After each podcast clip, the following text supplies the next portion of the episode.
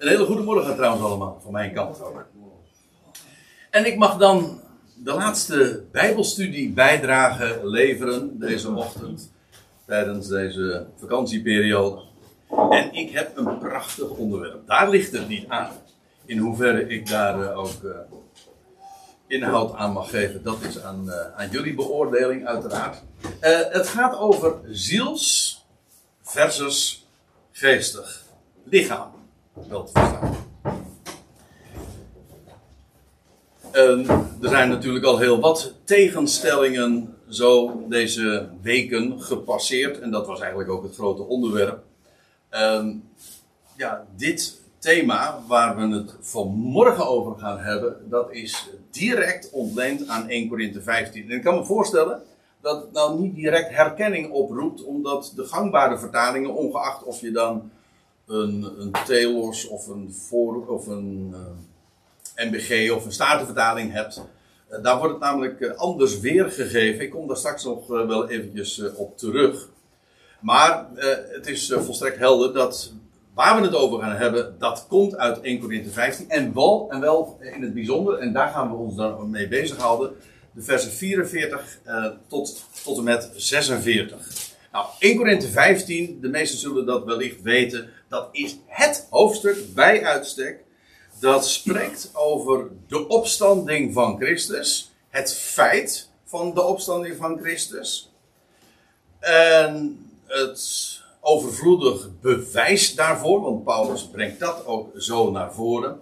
Maar met name ook het uh, geweldige belang van dit onderwerp, omdat het feitelijk de inhoud van het evangelie is. Paulus zegt bijvoorbeeld in, dat, in dit hoofdstuk, indien Christus niet is opgewekt, uh, dan is ons geloof en onze prediking ijdel. Met andere woorden, als je positief uh, zegt, dan betekent dat dus dat de inhoud van het evangelie en van de prediking de opgewekte Christus is.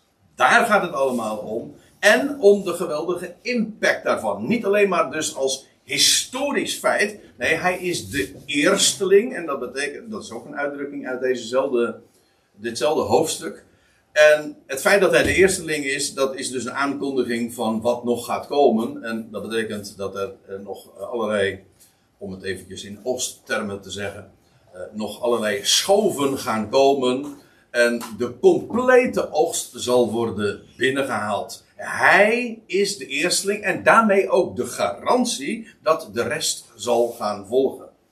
Nou, dat is niet zozeer het onderwerp, uh, hoewel het zal nog wel eventjes aan de orde komen. Maar het gaat over dus de geweldige impact, de universele en ook de ultieme impact. Dat wil zeggen, uh, ja, zojuist zei Erwin al zo, uh, zoiets als van het beste gaat nog komen. Ja, nou, dat kun je wel zeggen.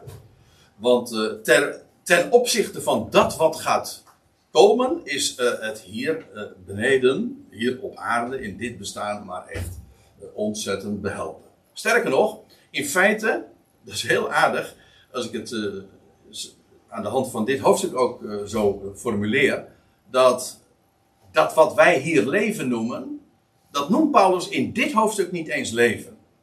Het is sterven. Leven dus uh, de vraag van is er leven na de dood is eigenlijk vanuit 1 Corinthië 15 zou je moeten zeggen, ja als het niet na de dood is, dan is er helemaal geen leven. Er is alleen maar leven, met allemaal hoofdletters, vanaf of uit of na de dood. Want wat daaraan vooraf gaat, dat is geen leven, dat is sterven, dat is je bent bezig dood te gaan. Oké, dat is een wat macabere benadering, maar uh, dat is de enige manier waarop je het, als je het contrast neerzet tussen wat we nu kennen en wat er gaat komen, ja, dan is dit uh, eigenlijk, uh, ja, wat is dit? Nou ja, ziels, heel zielig, ja. En uh, het geestige, dat gaat nog komen. Vanaf vers 35 van 1 Corinthië 15, om iets meer over de indeling te zeggen, gaat het over de aard van het opstandingslichaam. Dan roept Paulus de vraag op van uh, ja, met wat voor lichaam komen zij dan? En dan zegt hij van ja, uh, en dan gaat hij de vergelijking maken over uh, iets wat in de aarde gezaaid wordt. Ja, maar dat wat er vervolgens daarna uit voortkomt, dat is van een totaal andere orde. Hoewel het van de, dezelfde natuur is en toch, het is een totaal andere bestaanswijze. En dan vanaf vers 42 en daar ga ik nu op aanhaken, benoemt Paulus vier contrasten tussen het huidige lichaam, wat, het lichaam wat we hier dus kennen, en het toekomstige opstandingslichaam. Trouwens, we gaan ze niet alle vier bespreken, maar uh, de laatste laat ik uh, om de tijd willen uh, maar even liggen. Maar laten we maar eens dan beginnen bij vers 42. Dat is niet in de zin, geloof ik. Maar dan staat er: er wordt gezaaid in vergankelijkheid. Het hele idee is dat Paulus nu dus een aantal contrasten gaat neerzetten. En, uh, en dat gezaaid, dat doelt op het feit dat uh, het lichaam aan de aarde wordt toevertrouwd. Wij zeggen dat eigenlijk ook. We, we, noemen dat een begrafenis of een ter aarde bestelling. Maar in feite, en dat is de geweldige symboliek van een begrafenis, die je bij een crematie dus niet hebt. Kijk, het probleem is helemaal niet dat de gedachte bij velen die zich laten cremeren, zich willen laten cremeren, is vaak van ja, om, om elke mogelijkheid van een toekomstig bestaan maar uit te sluiten. Nou, dat is voor God dus uh, geen enkel probleem. Het is ook puur de symboliek van het begraven worden. Want dat is eigenlijk wat een boer ook doet, namelijk, ja, hij zaait iets in de aarde, maar dat doet hij in vertrouwen, namelijk dat, dat daar iets uit voort gaat komen, namelijk leven en, en, en een enorme heerlijkheid die daarop op volgt. Nou, er wordt gezaaid in vergankelijkheid. Dat wil zeggen dat wat aan de aarde wordt toevertrouwd, ja, dat herinnert uh, enkel aan een vergankelijk bestaan. En dat is ja, eigenlijk typerend voor niet alleen ons lichaam, maar eigenlijk alles wat we in deze schepping kennen. Uh, eigenlijk alles wat we in deze schepping kennen is vergankelijk. Uh, maar daarom is het ook zo lastig om een beeld te vormen bij uh, deze term, bij het contrast. Hè. Er wordt gezaaid in vergankelijkheid, wij kennen niet anders. Maar er wordt opgewekt in onvergankelijkheid. Vergankelijkheid wil zeggen uiteraard dat het, de dingen vergaan. Alles, niets is hier blijvend, het vergaat allemaal. En, ja, en dat is typerend voor deze hele schepping. Maar het opstandingslichaam en de nieuwe schepping in zijn algemeenheid is onvergankelijk. En dat kennen wij niet hier. We kennen alleen, en dat vind ik, dat helpt ons dan wel weer toch enigszins om het uh, te visualiseren. Er zijn mensen die graag in beelden denken, die waren uh, en uh, ja, we hadden het er gisteren nog over. Er zijn inderdaad, voor zulke mensen zijn er, beelden in de Bijbel worden ons geleverd. En bijvoorbeeld, uh, typen van onvergankelijkheid, dat is goud. Goud is een metaal dat, ja, dat niet roest, dat vergaat niet. In de absolute zin is goud natuurlijk ook niet onvergankelijk, maar het is wel een beeld. Ten opzichte van de alle metalen is goud onvergankelijk. En daarom is het ook zo waardevol. En, en heet het ook een edelmetaal. En, en nog een type uit de levende natuur van onvergankelijkheid is een olijfboom. Wat strikt genomen natuurlijk evenmin onvergankelijk is, maar het beeldt het wel uit. Een, een, olijfboom die gaat niet dood. Of hij regenereert zich altijd en daarom kunnen die bomen in principe dus duizenden jaren oud worden. Want hij vernieuwt zich voortdurend. En tenzij hem omhakt, blijft hij dus bestaan. En olijf olijfboom. En trouwens, wat het produceert, olijfolie, uh, dat typeert en beeldt uit onvergankelijkheid. Dus we worden daarin toch wel uh, geholpen. Nou, uh, alleen het idee al dat, dat dat lichaam dat we hier kennen en dat uiteindelijk dus vergaat en aan de aarde wordt toevertrouwd, dat dat vergankelijk is, maar dan uiteindelijk op Gods tijd ieder in zijn eigen rang worden om het ook even in de woorden van uh, 1 Corinthië 15 te zeggen, wordt opgewekt in onvergankelijkheid. Zoals daar slechts nu één iemand is die dat kent. Er is maar één iemand die nu uh, al een opstandingslichaam kent. En dan bedoel ik echt een, een levend gemaakt lichaam. Want je zou natuurlijk kunnen tegenwerpen dat er in de Bijbel al meer mensen zijn opgestaan. Denk bijvoorbeeld aan de dochtertje van Jairus of een Lazarus. Er zijn meer voorbeelden daarvan. Niet al te veel, maar toch. En die zijn opgestaan, maar die zijn allemaal weer uiteindelijk doodgegaan. Dat was in feite voor hen een terugkeer naar het vergankelijk bestaan. Maar waar we het nu over hebben is niet alleen maar opstanding, maar echt levendmaking. En daarvan is Christus de eersteling, want hij werd opgewekt, zoals Romeinen 6 zegt, om nimmer meer te sterven. En dat is dus onvergankelijk. Hij bracht leven en onvergankelijkheid aan het licht. En dat is in feite de essentie van het evangelie. Want dat wat hij aan het licht bracht, ja, dat heeft hij weggelegd voor heel de mensheid. Dat was het eerste contrast. Vergankelijkheid versus onvergankelijkheid. Er wordt gezaaid in oneer. Dat woord, uh, dat betekent uh, zonder eer.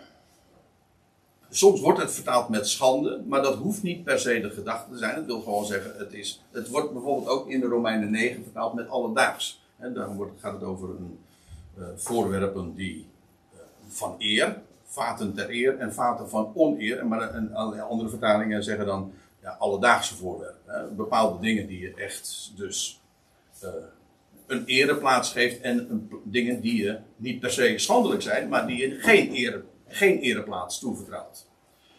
Uh, en wel dit lichaam is inderdaad in oneer. En dat wat gezaaid wordt is in oneer. En ja, dat is eh, dat heeft eigenlijk te maken met het feit dat dit lichaam uh, geen luister heeft, of eigenlijk een afnemende luister. Ik vind het prachtig zoals Jezaja 40 dat naar voren brengt. Alle vlees is gras, u kent wellicht het vers. Uh, alle vlees is gras en al zijn schoonheid als een bloem van het veld. Het gras verdort, dat is de vergankelijkheid. De bloem verwelkt, dat is eigenlijk dat is ook vergankelijkheid, maar het is ook uh, oneer.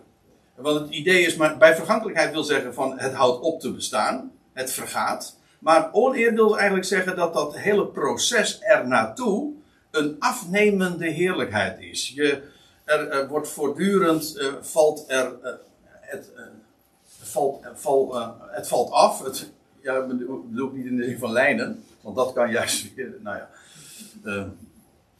of, laat ik het anders zeggen. Uh, dingen vallen uit, ja. Maar haar bijvoorbeeld. Maar ook uh, functies vallen uit. In feite, dat het hele vergankelijke bestaan. Het is, maar, het is maar niet zo van je gaat dood. Nee, maar het hele. Ja, sorry, dat, dat, de aftakeling. Ja, dat is het. Dat is oneer. Je ziet voortdurend. Uh, en dat, dat proces begint eigenlijk al in een heel vroeg stadium. En dat, dat, dat je uh, eenmaal eh, de toppunt van je vitaliteit bereikt. En dan neemt dat af. En, en de, de oneer en de functies uh, vallen uit, en worden minder. En, nou ja. ja. Voor, beeld, voor beelddenkers. hè? Ja. En, uh, ja. en dan moet je naar de. Ja, nou, nou goed, dan kun je altijd nog de tanden kiezen weer bij laten zetten. Of kunstgebit, of kunstbeen, of weet ik veel. Alles is kunstmatig dan weer een beetje op te lappen en dergelijke. Maar het is allemaal maar enorm behelpen. Het, uh, nou, dat is dat oneer. En uh, kijk, we, we, lachen er nu om. En ik, ik denk, in zekere zin kun je er ook om lachen, omdat we het relativeren. We brengen het in relatie tot het onvergankelijk en de heerlijkheid. En dan, ja, dan, dan, dan kun je je schouders over ophalen. Maar in werkelijkheid is het natuurlijk een ontzettend tragisch proces. Uh, die, die vergankelijkheid, maar vooral ook die oneer waar je dan mee te maken krijgt, die aftakeling. Maar let op, er wordt gezaaid in oneer, er wordt opgewekt in heerlijkheid.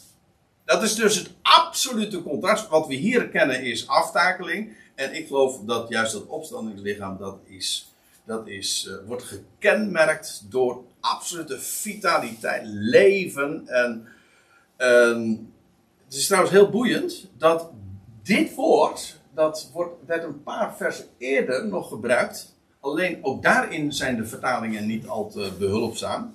Dan wordt het, eh, in de NBG-vertaling weet, ik, dan wordt het vertaald met lichtglans. De, de, de lichtglans van de zon is anders dan die van de maan en die is weer anders dan die van de sterren. Maar er staat in, in onze vertalingen dan wel, weliswaar lichtglans, maar er staat eigenlijk heerlijkheid. Het, woord heerlijkheid is in de Bijbel heel erg geassocieerd met licht. Hè? Als, als hij in heerlijkheid verschijnt, verschijnt hij in grote lichtglans. Dus ja, dat blijkt trouwens ook wel dat de Heer Jezus uh, in zijn opstanding, hij kon op allerlei wijzen verschijnen, in verschillende gedaantes, maar als hij in zijn heerlijkheid verschijnt, bijvoorbeeld, nou vraag het maar aan Paulus, dan verschijnt hij in een oogverblindend licht. En dan te bedenken dat, dat hij uh, werd opgewekt en dat, uh, dat ons lichaam straks gelijkvormig gemaakt zal worden aan het lichaam van zijn, let op, heerlijkheid. En dat lichaam zal uh, bekleed zijn met licht. Ik denk, als je het nou hebt over de vraag van wat voor, wat voor gewaad dragen we, nou, een licht. Ik geef toe, dat is moeilijk voor te stellen, maar de wijze, dat, dat is juist altijd het punt, want we hebben het nu iedere keer over contrasten. Aan de ene kant wat we hier kennen, we kennen niet anders. En ja, het contrast tussen oneer en heerlijkheid. Wat een lichaam zal dat zijn. Ik, ik, ja, je wordt er zo blij van. Uh, wat God in petto heeft met, met de mensheid. En de eersteling is er al en hij is ook het model. En, nou, het grote voorbeeld en, en, de garantie. Kijk naar, naar wat er hem, hem is overkomen. En die heerlijkheid, ja, dat is uh, het lichaam van de opwekking. Nog een contrast. Er wordt gezaaid in zwakheid. Dat is uh, uh, een woord wat meestal, trouwens, misschien zeg ik nu te veel, maar in ieder geval heel dikwijls vertaald wordt in, de, in, in het Nieuwe Testament. Het Griekse woord wat hier gebruikt wordt voor ziekte.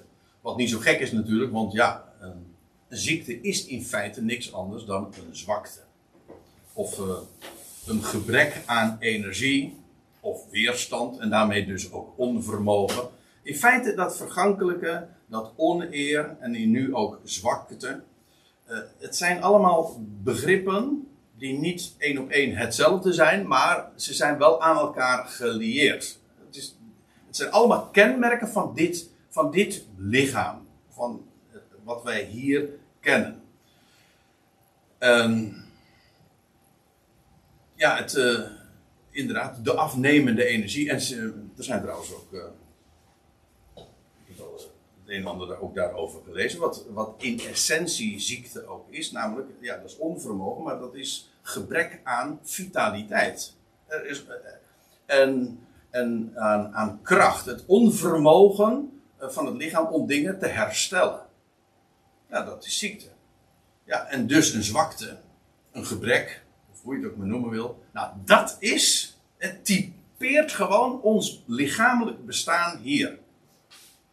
En daar kun je bij, uh, oké, de een heeft daar misschien in veel sterkere mate en in veel vroeger mee te maken. Uh, en sommigen zijn gezegend met heel sterk gestel uh, tot, in, tot op hoge leeftijd. Dat verschilt allemaal. Maar in het algemeen is dit gewoon het verhaal. Namelijk, dit lichaam is vergankelijk, in oneer, onluisterend en in zwakheid. Al zijn er gradaties, dit is het, het, het verhaal. Maar let op, ook hier weer dat geweldige contrast. Dat mag dan zo zijn. Maar vergis je niet, dit is maar tijdelijk. Dat is het mooie trouwens. Dat vind ik wel weer erg. Ook een, een geweldig ding. Het, dat vergankelijke bestaan. Dat is, een, dat is eigenlijk op zich een goed bericht natuurlijk. Het loutere feit dat dit lichaam van ontluistering en van zwakte vergankelijk is. Ja, gelukkig wel. Want je zou toch niet moeten denken dat je daar altijd uh, mee zou moeten. Uh, mee zou moeten dealen. En dat, dat dat blijvend zou zijn, dat het blijvend zwak en blijvende oneer en ontluistering zou zijn. Nee, het gaat voorbij. Nou, dat is een goed bericht. Waarom? En vooral uh, in, in. Ja, als, je niks, als er niks anders is, dan zou het geen goed bericht zijn. Maar als je weet dat dat slechts een. Uh, het, uh, de, de prelude is op wat gaat komen. Ja, er wordt gezaaid in zwakheid. Er wordt opgewekt in kracht. Het Griekse woord is, dat kennen we wel, dynamisch. Dynamiet, dynamo. Met kracht, met vermogen te maken. Dat lichaam straks is onvergankelijk. En dus ook in heerlijkheid en, en, en in kracht. Echte power. Ongekend. En daarmee ook ja, bruisend, vitaal. Er zijn wellicht nog meer synoniemen of woorden die, eh, die dezelfde gedachte uitdrukken. Maar dat is ja, wat dat toekomstige lichaam is. En nu komen we bij, uiteindelijk toch bij dat onderwerp.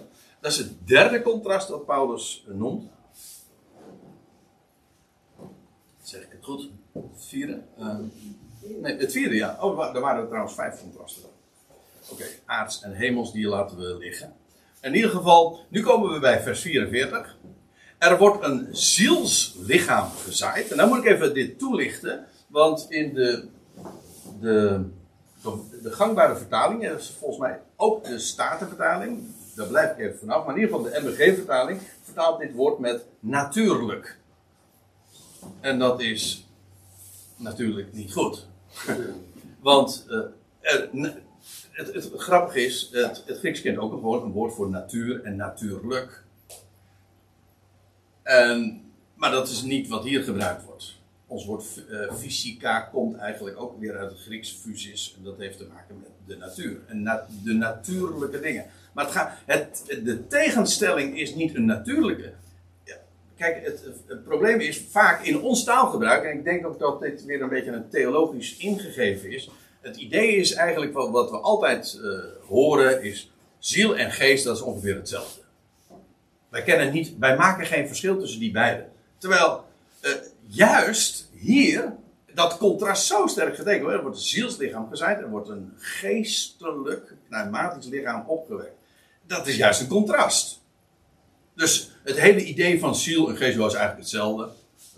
Uh, iemand heeft geestelijke problemen en hij gaat naar een psycholoog. Eh, dat wil zeggen een zielkundige. Waarmee wij zeggen, ja, ziel, geest.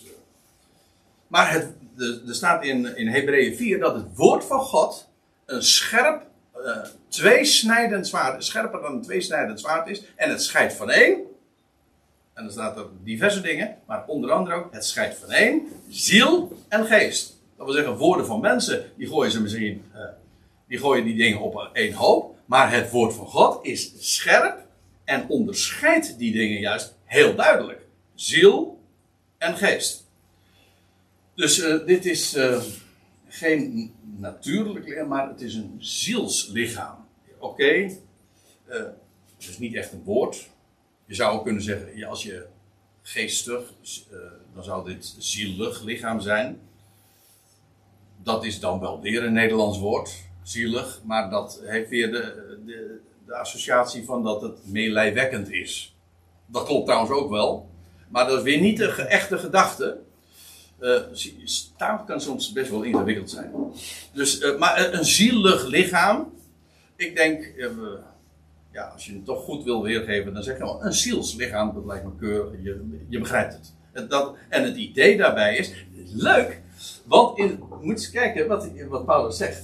Hij, zegt gebruikt hier het woordje wat hier, hier staat in het Grieks is soma psychikon. En soma kennen we ook al, nou ja, in ieder geval, we kennen het van het woordje psychosomatisch. Nou, dat is wat hier staat eigenlijk. Dus een hele uh, tak van uh, medische wetenschap, psychosomatiek. Dat heeft dan te maken met, de, met in hoeverre de, de, onze lichamelijke toestand wordt heel in sterke mate beïnvloed door, of zelfs gedomineerd door, de psyche. Dit lichaam is psycho, wordt door de psyche beheerst, of in ieder geval uh, heel sterk daardoor uh, beïnvloed. Het staat onder de, de regie van de ziel. En ja, het wordt door, daardoor beheerst. Het, het, het, het besturingssysteem, zeg maar, van dit lichaam is de psyche de ziel.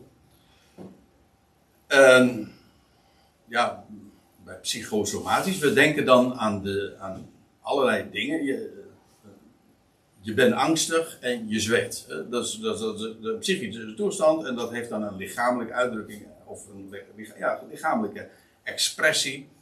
En uh, bij, bij psychosomatiek denkt men ook aan, aan, aan neurologische stressstoornissen. Nou, dat heeft allemaal, zulke psychische toestanden, heeft een directe of indirecte effect op het lichaam. Nou, dat is dit lichaam. Is ziels. En in de Bijbel zie je dat, uh, wordt dat in, met name in het boek Spreuken zie je daar nogal wat voorbeelden van. Spreuken 17 vind ik een mooie. Er staat, een vrolijk hart bevordert de genezing. Is geen garantie voor de genezing. Maar en het is wel goed. Hè? Zoals we zeggen van uh, een appel is goed voor de gezondheid. Is, uh, maar dat garandeert geen gezondheid. Maar een vrolijk hart in het algemeen. En dat is, dat is dus dat psychosomatische. Een vrolijk hart, dat bevordert de genezing. En dat is de positieve kant. De negatieve kant is, wat je in hetzelfde vers vindt, is. Maar een verslagen geest doet het gebeente verdorren. En we kennen allemaal hoe, ja, hoe dat werkt. De psyche en, en, en het lichaam. Ook, ook de, zelfs de houding zelfs die je aanneemt. Ik bedoel, de, als, als, je, als je gedeprimeerd, te neergeslagen bent, hoe, dan kijk je ook te neergeslagen. Je kijkt naar beneden in plaats van omhoog. Ja, er, er, zit zoveel. Uh, er, zit zoveel eenheid tussen die twee dingen, psyche en lichaam en, en de soma. Dat kun je niet uit elkaar halen. Dat heeft direct met elkaar te maken. En dit lichaam, daar gaat het nu maar om, is ziels. Er zit trouwens nog even iets uh, aan vast. En dat is dat de Bijbel zegt. Die moet je ook even goed onthouden. Dat de, de ziel. Die is in het bloed. En je vindt dat letterlijk zo in Leviticus 17, uh, vers 11. En uh, in feite. Uh, ja, ik had het zojuist over de theologische gedachte van dat de ziel eigenlijk hetzelfde is als de geest. In de Griekse filosofie was het ook zo dat de mens een onsterfelijke ziel heeft. Het is gewoon rechtstreeks ook overgenomen in de christelijke theologie. Spreekt ook over de onsterfelijke ziel. De Bijbel nooit. De Bijbel die spreekt over de ziel die zonder, die sterft. Um, de ziel is ook trouwens wat we gemeen hebben met het dierenrijk. De eerste vijf keren dat het woord ziel gebruikt wordt in de Bijbel, dat is in Genesis 1, en dan gaat het allemaal over dat wat wemelt in de oceanen en de zeeën. Hè. Dat, zijn al, dat zijn levende zielen, staat er dan. Maar dat zijn dieren. En een, plant is geen ziel, want dat beweegt niet, dat wemelt niet. Dat, maar het is weliswaar levend, maar het is geen ziel. Maar dieren zijn ook, die hebben geen ziel. Een mens heeft ook in die zin geen ziel, maar hij is een ziel. Dus ik zal het straks ook laten zien. Maar dat is in feite, het zielse, dat is juist wat de mens, het animale zeg maar, eh, dat, dat, uh, het zielse, dat uh, is juist wat ons, wat we gemeenschappelijk hebben met de dierenwereld. En dat is ook logisch als je realiseert dat de essentie daarvan in het bloed is. En je ziet het ook heel mooi in de Hebreeuwse taal, dat de mens is uit de aardbodem. De aardbodem is, is het woord voor mens in, de, het Hebreeuws is Adam. Het woord voor aardbodem is Adama. Dat is eigenlijk een vrouwelijk woord, moeder aarde. De mens komt uit moeder aarde voort. En daarbij is ook weer de gedachte dat uh, de, de rode aarde, Adon, dat is de kleur voor rood, maar uh, het woord dam, in, in Adama, dat woord dam, dat is het woord voor bloed. Dus Adam, dat wil zeggen eigenlijk, dat is de alef verbonden met bloed, met dam. Ja. Maar goed, eh, om even een lang verhaal kort te maken daarin. Het is, het is heel bijzonder die, verwant, die, die verwante betekenis en hoe dat met elkaar verband houdt.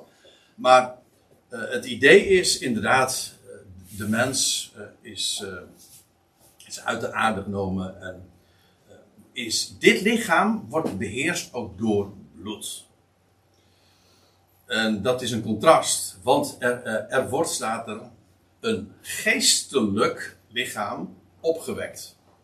Hier heb ik hetzelfde probleem weer, namelijk met, met het woordje geestelijk. Ik had net, uh, hadden we het over de, een beetje raar is om te zeggen, een zielig lichaam, omdat dat andere gedachten oproept. Maar dat heb je eigenlijk ook weer bij een geestelijk lichaam. Want dan denk je al gauw aan een onstoffelijk lichaam. Uh, bij ons heeft geestelijk trouwens ook nog weer een nog andere associaties. Hè? Een geestelijke, dat is dan weer een, uh, ja, een, een, een, ambt of iemand die in een bepaalde religieuze functie is, of geestelijke activiteiten, en dat bedoelen we dan vrome, godsdienstige praktijken.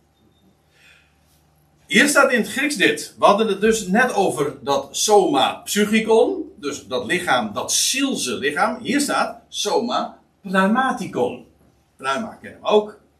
En ja, dat, dat is dus een, dat lichaam dat hierop, dat in de aarde gezaaid wordt. Ja, dat is dat, is dat zielse lichaam. Vergankelijk, ontluistering, maar ook inderdaad uh, ziels. Maar wat opgewekt wordt, dat is een pneumatisch lichaam. En niet dus onstoffelijk. Dat, je leest van de heer Jezus dat als hij verschijnt op de dag van zijn opstanding in, te midden van zijn vrienden, dan lees je dat, uh, dat in eerste instantie dachten ze een geestverschijning te zien. En dan zegt hij, nee, nee, nee. En dan vraagt, dan vraagt hij een, een moot gebakken vis. En... Uh, en dan zeg je en, zie, want, een, geest heeft geen vlees en beenderen, zoals ik wel heb. Vlees en beenderen. Dus het is een concreet lichaam. Zeker. Maar en toch spiritueel of pneumatisch. Maar, en nou komt dit. Uh, waarom ik zojuist ook even die, eh, die, link met het bloed legde. Er staat even later in ditzelfde hoofdstuk 1 Korinthe 15. Dat vlees en bloed het koninkrijk gods niet zullen beërven dat opstandingslichaam is weliswaar vlees en benen, maar geen vlees en bloed. Het is geen zielslichaam, maar een pneumatisch lichaam. En dan ga ik iets zeggen wat ik totaal niet begrijp. Want dat lichaam heeft dus, dat, daar, daar stroomt geen bloed door de aderen. Het is namelijk niet, maar het is, het is geen, waarom niet? Het is geen zielslichaam, maar het is een pneumatisch lichaam. Er stroomt dus iets anders door de aderen. Dat is niet ziels, dat is geen bloed, dat is niet bloederen, maar dat is pneuma. En nou gaat u vragen natuurlijk, wat is dat dan? Geen idee. Uh, het is pneuma, het is kracht.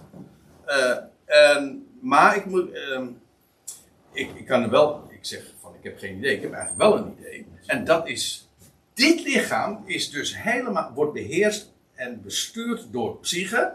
Maar dat opstandingslichaam wordt beheerst door pneuma. En zelfs zodanig dat. Ja, daar kun je echt helemaal niks bij. Eh, of haast niet bij voorstellen. Maar zo werkt het. Daar waar de geest wil zijn. Of, en hoe de geest wil zijn. Hoe, hoe het zich wil manifesteren. Daar is het. En heeft dus eh, niet de, de beperkingen die wij hebben. Ik bedoel, ik kan nu uh, eraan denken dat ik uh, in Johannesburg uh, rondloop. maar ja, dat, dat niet. en dat ik daar wil zijn. Maar dan, dat, dan moet ik eerst een, dan moet ik vliegtuig stappen, een hele reizen. En, maar dat, lichaam, dat opstandingslichaam, dat is pneumatisch. En dat, en je leest ook van de, van de Heer Jezus dat hij, ik had het zojuist over die, uh, dat hij dag van de opstanding, toen verscheen hij te midden, zo, hij verscheen ook, hè. Hij kwam, staat niet, hij kwam niet binnen, sterker nog, waren, de ramen en deuren waren gesloten. En hij stond in hun midden. Ja, hoe kan dat? Nou, het is een pneumatisch lichaam. Daar waar de geest wil zijn, daar is het. Ja. uh, jongens, dit is. Uh, we, we, kunnen ons. Je, we hebben vorige week ons, ons huis een beetje verpaald. Een trap en, is wat gerenoveerd en zo. En daar kun je dan enthousiast over zijn. En dan denk je van wauw, geweldig. Of je krijgt een computer of een nieuwe auto. Maar dit is toch wel even van een andere orde, hè? Dat je een lichaam krijgt die in onvergankelijkheid, in heerlijkheid, in kracht en ook pneumatisch. Dat dat inderdaad bestuurt. Want wij zeggen dan, de geest is wel gewillig? Maar vlees is zwak. Ja, maar dat opstandingslichaam, daar waar de geest wil zijn, daar is het. On, ja, dus haast onvoorstelbaar.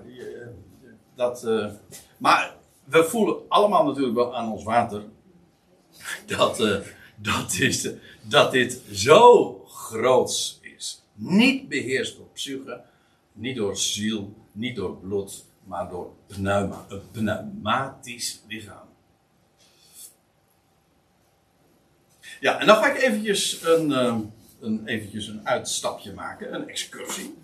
Eh, ja, een excursie. Een, eh, de, en, want dit is 1 Korinthe 15.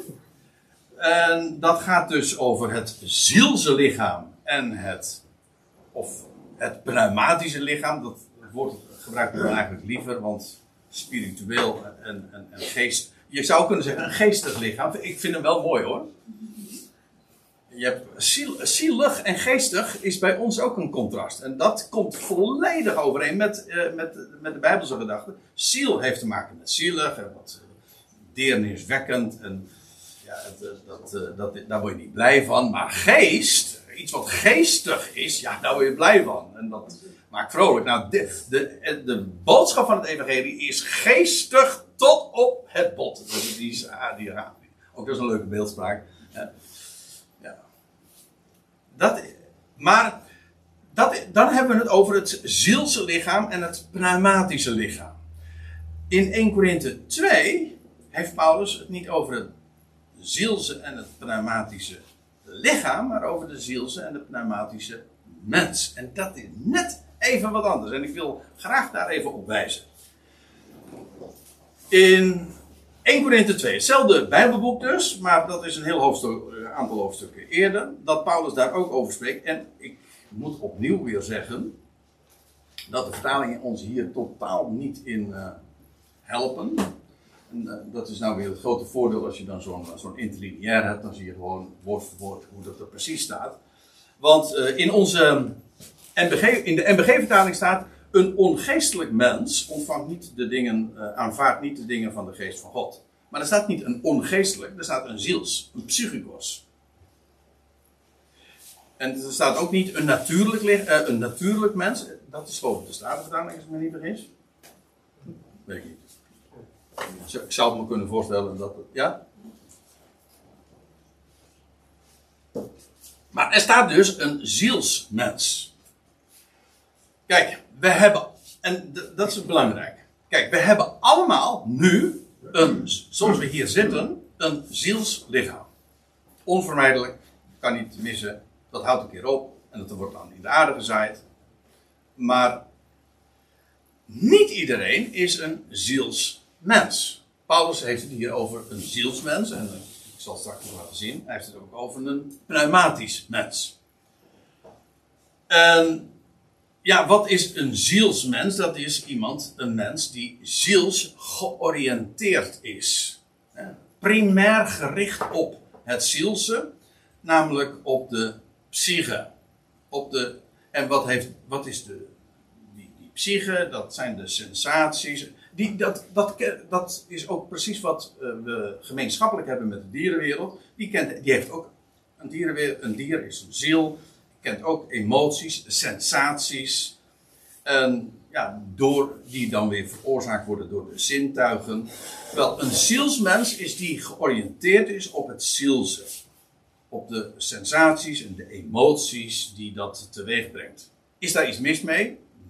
Met die emoties en met dat zielse op zich niet. Maar wel als je dat daarop georiënteerd bent. Dat wil zeggen, een zielsmens, dat is degene die daar primair op gericht is en daar eigenlijk door bestuurd wordt.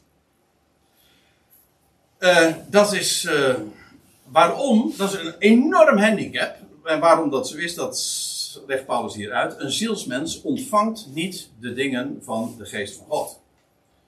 Dat kan hij namelijk ook niet. En de dingen van de geest van God, ja, kijk, hier zie je feitelijk ook al ziel, geest. Dat kan niet. Hij, hij ontvangt niet de dingen van de geest van God, want geest staat in de Bijbel eigenlijk per definitie voor dat wat je niet kunt zien. In feite, je kan goed, heel goed verdedigen, denk ik, dat het woord eh, geest zelfs een containerbegrip is en staat voor alles wat je niet kunt zien. Want het kan bijvoorbeeld slaan op de wind. In het Hebreeuws, het Grieks zie je dat, ruach. Eh, maar ook pneuma, dat is de wind. Maar het is ook adem. Het is, maar dat kun je horen, dat kun je voelen, etc. Maar het kan, je kan het niet zien. Maar het, is ook, het zijn demonen, het is, het is God. Uh, kortom, de engelenwereld. Dat is eigenlijk allemaal wat, uh, zeg maar, uh, ontrokken is aan het, aan, het, aan het zicht. Wat we niet kunnen zien. Dat is wat geest is. Wel, een zielsmens ontvangt niet de dingen van de geest van God. En dat, waaruit trouwens ook weer blijkt, de dingen van de geest van God, hoe komt dat? Hoe komt dat tot ons? Nou, niet via zicht, maar via het gehoor.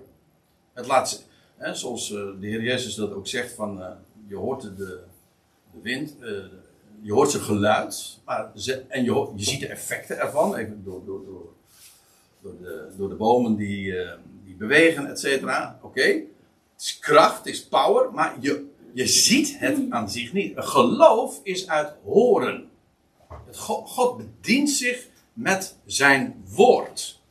En ja, een zielsmens uh, die is daar niet op afgestemd. Hij ontvangt, zo, zo zeggen wij dat trouwens ook in verband met uh, het ontvangen van signalen, van radio of tv.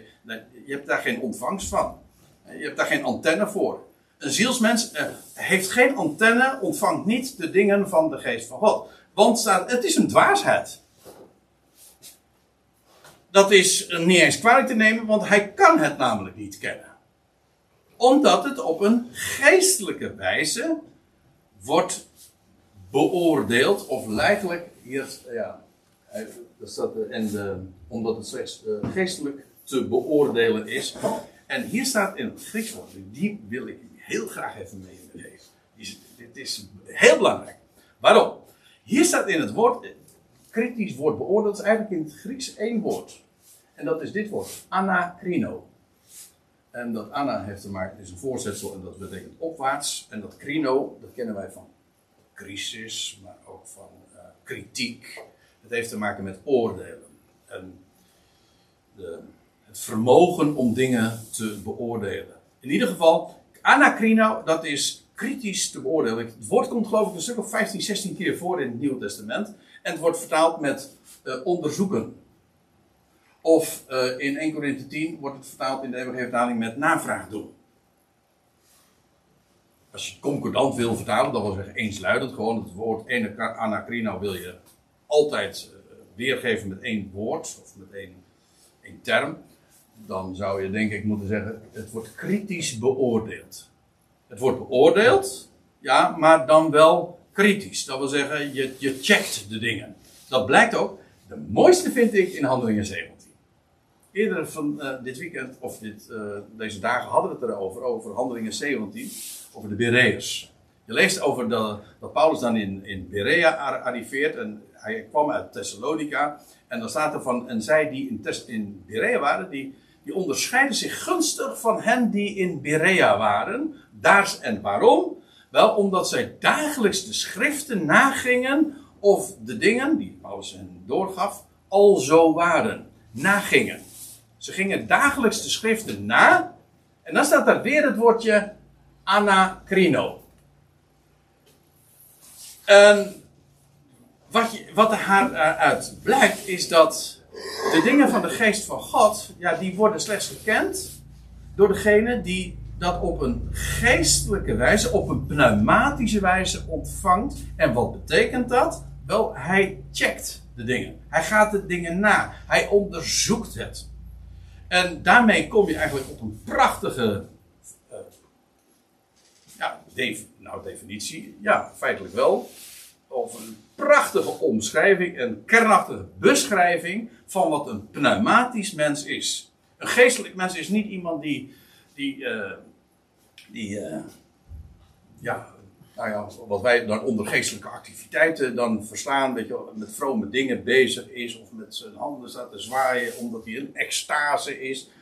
Uh, of alle, allerlei dingen die wij als geestelijk aanduiden, zijn in werkelijkheid ziels.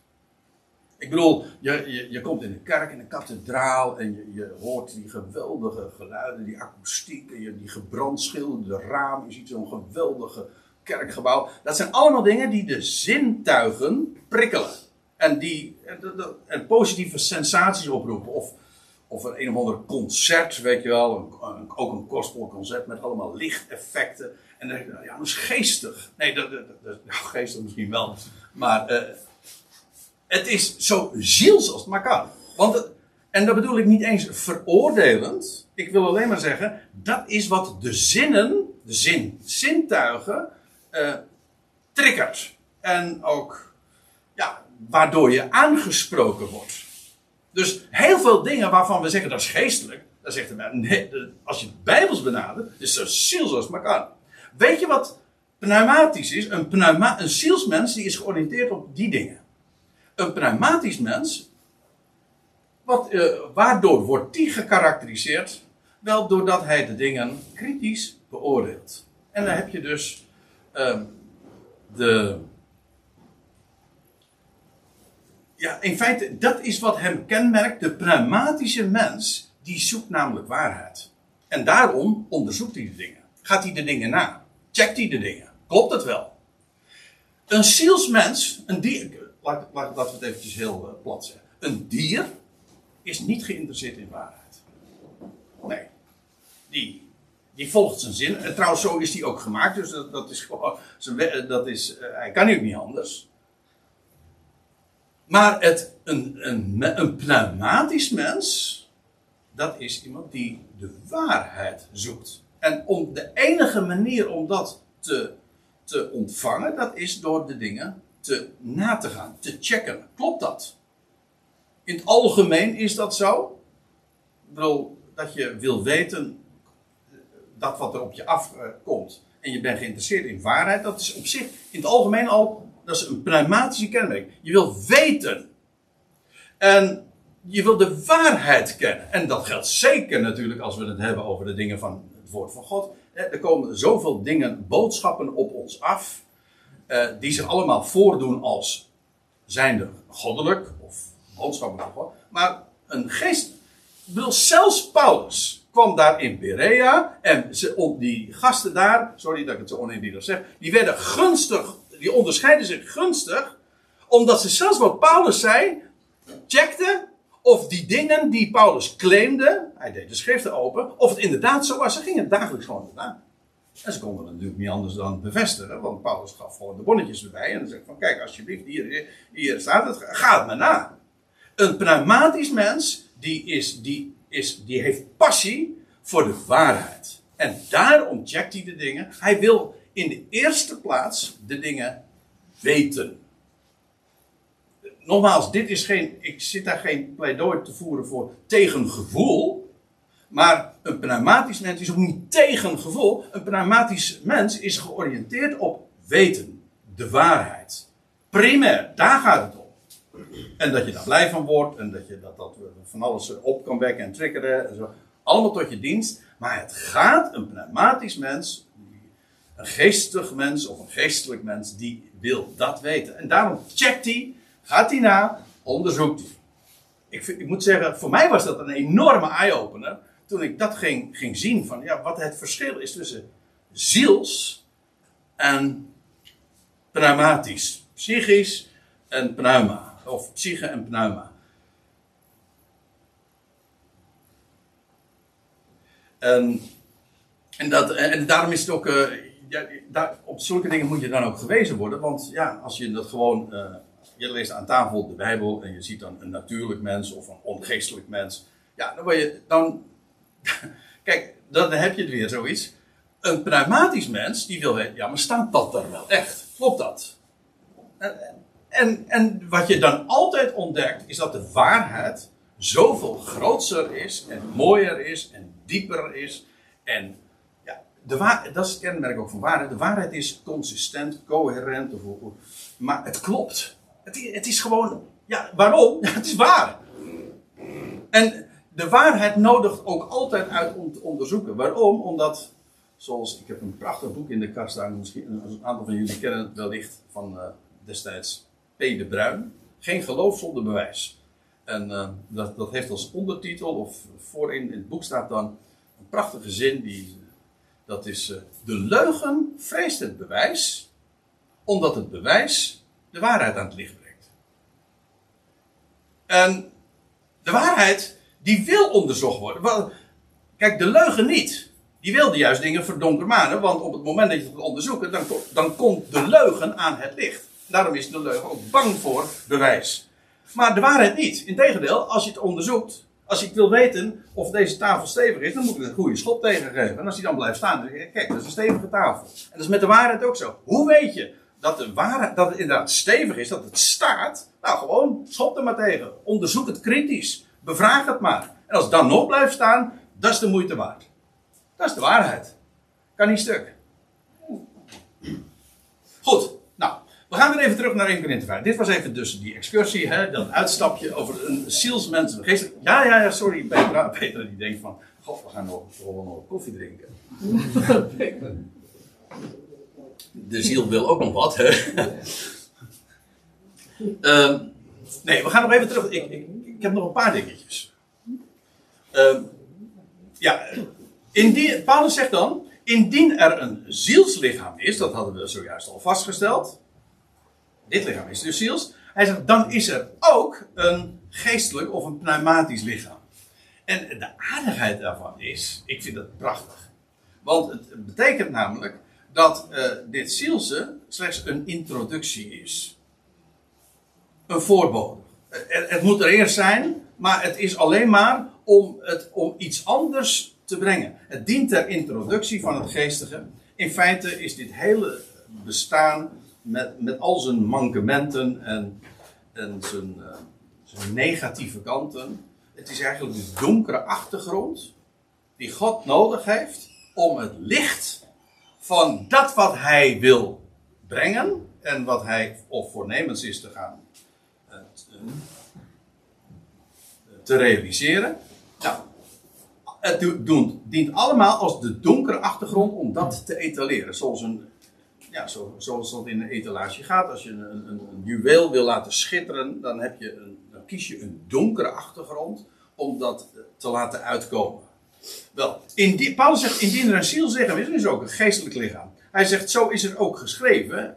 En dat staat in Genesis 2 vers 7. Nou gaat, begint uh, daar verwijst hij naar. naar uh, de eerste mens, Adam, werd tot een levende ziel. Er staat niet uh, hij, dat hij een ziel kreeg. Hij werd een ziel. En ik gaf al eerder aan. Dat is in feite de zesde keer dat het woordje ziel in het boek Genesis gebruikt wordt. Van de vijf keren daarvoor af, aan voorafgaand wordt het gebruikt ter aanduiding van dieren. En nu werd Adam ook een ziel. Hij, werd, zijn lichaam werd genomen uit het stof, uh, uit de aardbodem. En God blies le, uh, de, de, levensadem in hem. En alzo werd hij een levende ziel. En als hij de adem weer uitblaast, is hij een dode ziel. Dat is ook een Bijbelse term trouwens. De eerste mens Adam werd tot een levende ziel. Maar, en nou komt het. Dat is de eerste mens. Uh, pardon. De eerste mens Adam werd een levende ziel. De laatste Adam tot een levendmakende geest. En ik uh, heb begrepen dat. Uh, dit was het onderwerp van Job, hè? Job uh, Eckhart, die dat een paar dagen terug heeft toegelicht. Dus ik, ik, hoef er wel, ik, niet, hoef er ook niet zoveel over te zeggen. Maar kijk, waarom heet hij Adam? Wel, omdat hij de mensheid representeert. Adam is gewoon het woord voor mens. En heel de mensheid is af te leiden tot, af te leiden van, van Adam. Ja. Hij representeert de mensheid, maar hij sluit ook heel de mensheid aan. In Adam sterven allen. Nou, zo zullen in Christus, dat is 1 Korinthe 15 vers 22, zoals in Adam allen stervende zijn, niet leven, maar stervende zijn, dat is wat we zijn, stervelingen. Zo zullen in Christus allen worden levend gemaakt. Ja, en hij, kijk, en hij heet dus de laatste. Ja, de laatste. Hij is trouwens niet de, de, de tweede Adam. Dat wordt wel zo gezegd. Maar het is de laatste Adam. Waarom, wat is het verschil? Wel, betekent dat hij de definitieve versie is. Het is de tweede soort mens. Ja, het is de tweede mens. Maar het is de laatste Adam. Het is dus niet zo van nou. Uh, bij Adam ging het uh, ooit mis. Tussen aanhalingstekens. En zou het bij, waarom zou het dan bij uh, de tweede Adam weer niet mis kunnen? Nee, hij is de laatste. Hij is dus de definitieve versie. En, maar ja, om een laatste Adam te hebben, heb je eerst een, een eerste Adam nodig, natuurlijk. Hij is de definitieve. En hij is de laatste Adam, Christus Jezus, de opgewekte uit de doden, de eersteling. Hij is een levend makende geest. Dus zoals via de eerste Adam de dood doordrong tot alle mensen. Dat proces is nu gewoon nog steeds gaande. Zo dringt via de laatste Adam het leven door tot alle mensen. Alleen staat er dan bij, dat is dan uh, vers 23 van 1 Corinthië 15, niet allemaal tegelijk. Ieder in zijn eigen rangorde. Christus als eersteling, 2000 jaar geleden. Vervolgens die van Christus zijn in zijn parousia. En uiteindelijk uh, de, de rest. Gewoon iedereen dus. Namelijk wanneer hij de, het koninkrijk zal overdragen aan God de Vader. Nou ja, over die volgorde, daar gaat het nu niet om. Het gaat erom, uh, het zal gebeuren. En hij is de laatste adem, een levendmakende geest. En dat leven wat Adam, deze laatste adem aan het licht bracht, dat wordt, het, dat wordt het deel van heel de mensheid. Wat een evangelie man. En, en wat een leven, wat een opstandingslichaam. Dat is, nou ja, ik hoop dat uh, dat, dat uh, ook wel goed, uh, in ieder geval, is doorgedrongen tot ons allemaal. Van, wat wacht ons nog? Onvergankelijk, in heerlijkheid, in kracht, pneumatisch, wat het ook allemaal wel mogen betekenen. Maar het is over, alles overtreffend en universeel. En dan nog het laatste wat ik wilde zeggen is dit. Uh, zegt, dan zegt Paulus dit. Maar niet eerst het geestige, het geestelijke, het pneumatische, maar het zielse. En vervolgens het pneumatische. Dus er is een. God heeft dus, toen hij Adam maakte tot een levende ziel, was dat voorlopig. Het verhaal van dat het toen mis is gegaan. En dat God toen op plan B zou moeten overschakelen, is dus gewoon nonsens. Dat is echt niet waar. Als je, als je denkt, dan heb je geen God. Want bij God kan er nooit niks misgaan, anders is hij geen God. Hij plaatst alles. En bij, het staat ook gewoon expliciet. Eerst het zielse, daarna het pneumatische. De eerste Adam diende alleen maar, nou ja, alleen maar, hij diende om de laatste Adam te introduceren. En uiteraard niet, God niet begint niet bij het, tweede, hij begint met het eerste. Waarom? Om het tweede, het laatste, het definitieve te stellen. Want dat is namelijk het volmaakte. Het was, in het Genesis 1 lezen zie je het was goed. Ja, het was goed voor, voor de bedoelingen die het toen diende. Maar het was niet het beste. Nee, het beste komt nog. God heeft het beste voor het laatste bewaard. En dat betekent dus dat alles, het vergankelijke, het oneer, de zwakke, dat is, dat is geen bedrijfsongeval geweest. Zodat God moest overschakelen op een mindere, op een mindere vers. Nee, tegendeel. Het is allemaal zijn design. Zodat we werkelijk een God hebben met allemaal hoofdletters. Die een volmaakt plan uitwerkt.